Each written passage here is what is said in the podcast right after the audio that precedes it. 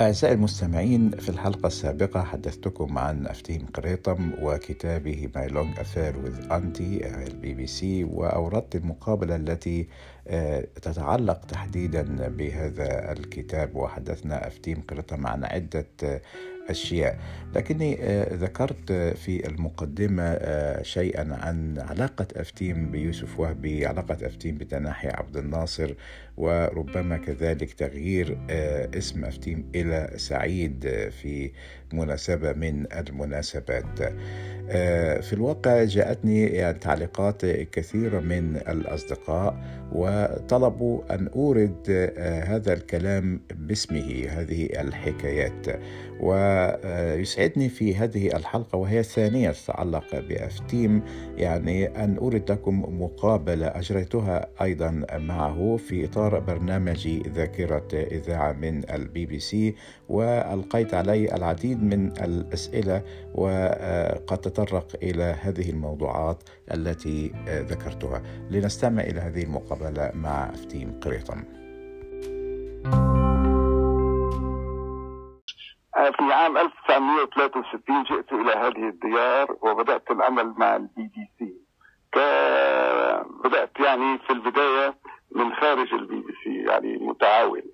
ولكن آه، في السبعة وستين آه، أصبحت موظفا في البي بي سي ولكن عندي مع البي بي سي كمان ذكرياتي معها تعود إلى أيام عندما كنت أنا في جزيرة قبرص ففي عام 1959 أيام آه، القسم العربي آه، طلب مني أن أكون مراسلا للقسم العربي في جزيرة قبرص. وهنالك تم العمل كمراسل ومنذ ذلك الحين إلى عام 2000 عملت مع البي بي سي.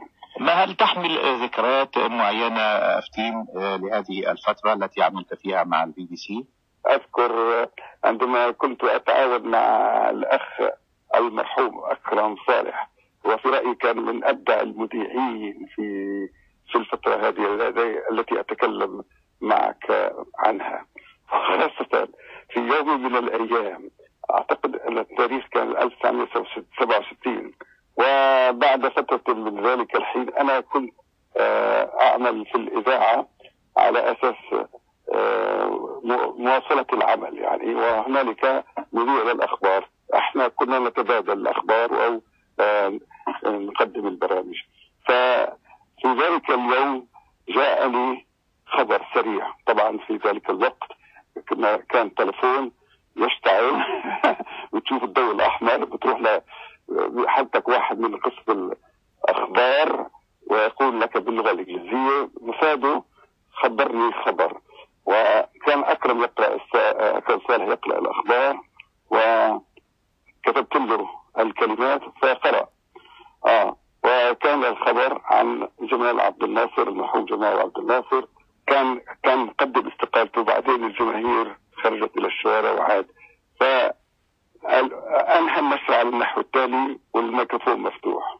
الآن أيها المواطنون في شتى ارجاء العالم العربي اسمحوا لي أن أهنئكم وأن أهنئ نفسي بعودة بطلنا الحبيب جمال عبد الناصر. أنا سمعت ذلك الصوت وفوجئت. وكان من الطبيعي لي كموظف البي سي أن أكتب في دفتر إنه أكرم صالح عمل كذا وكذا. ولكن مضت الأيام وأجت الأيام بعد خمسة ستة أشهر وإذا في الناس يأتون من العالم العربي ويسألون عن أكرم صالح. فكنت أقابلهم أنا ويقولوا لي وين أكرم صالح؟ فتذكرت انه يأتون إلى لندن حتى يأخذوا صور مع اكرم طيب افتيني لماذا ارتبط اسمك بالرياضة يعني؟ حتى أذكر فيما أذكر آه علاقتي بك حتى كانت من خلال البرامج الرياضية. آه أنا أعطيك مثل لما كنت في البي بي سي كنت أنا في عالم الظهيرة عالم المساء وأشترك كصوت في الرياضة ولكن في الآخر تبين لي أن السياسة ما تعطي نتيجة. قلت أتحول للرياضه على الأقل في مباراة ذكرت لي أن لك قصة آه، مع آه، آه، العملاق نقل المسرح العربي يوسف وهبي. آه صحيح أخ فؤاد. هذا الكلام يعود إلى عام 1963 أنا جئت إلى لندن و آه، في ذلك الحين المرحوم أكرم صالح.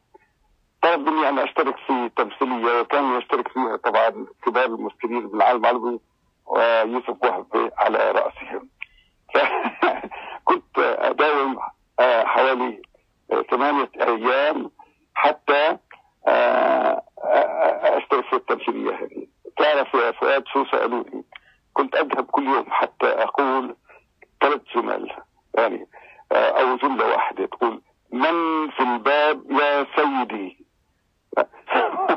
وطبعا بدت الحكاية هذه حوالي ثمانية أيام كل يوم أحضر على الاستوديو حتى أقول من في الباب يا سيدي؟ وبعد ذلك المرحوم طيب صالح سالني بده يحط اسمي على الهواء. له افتيه قال لي أخي اعطينا اسم عربي. قلت له خذ سعيد. فمشيت سعيد لفترة معينه وبعدين عدت إلى افتي وبدأ الناس يعرفوني بافتي إلى هنا نأتي إلى ختام هذه الحلقة الثانية عن أفتيم قريطم وأرجو أن تكون قد أعجبتكم.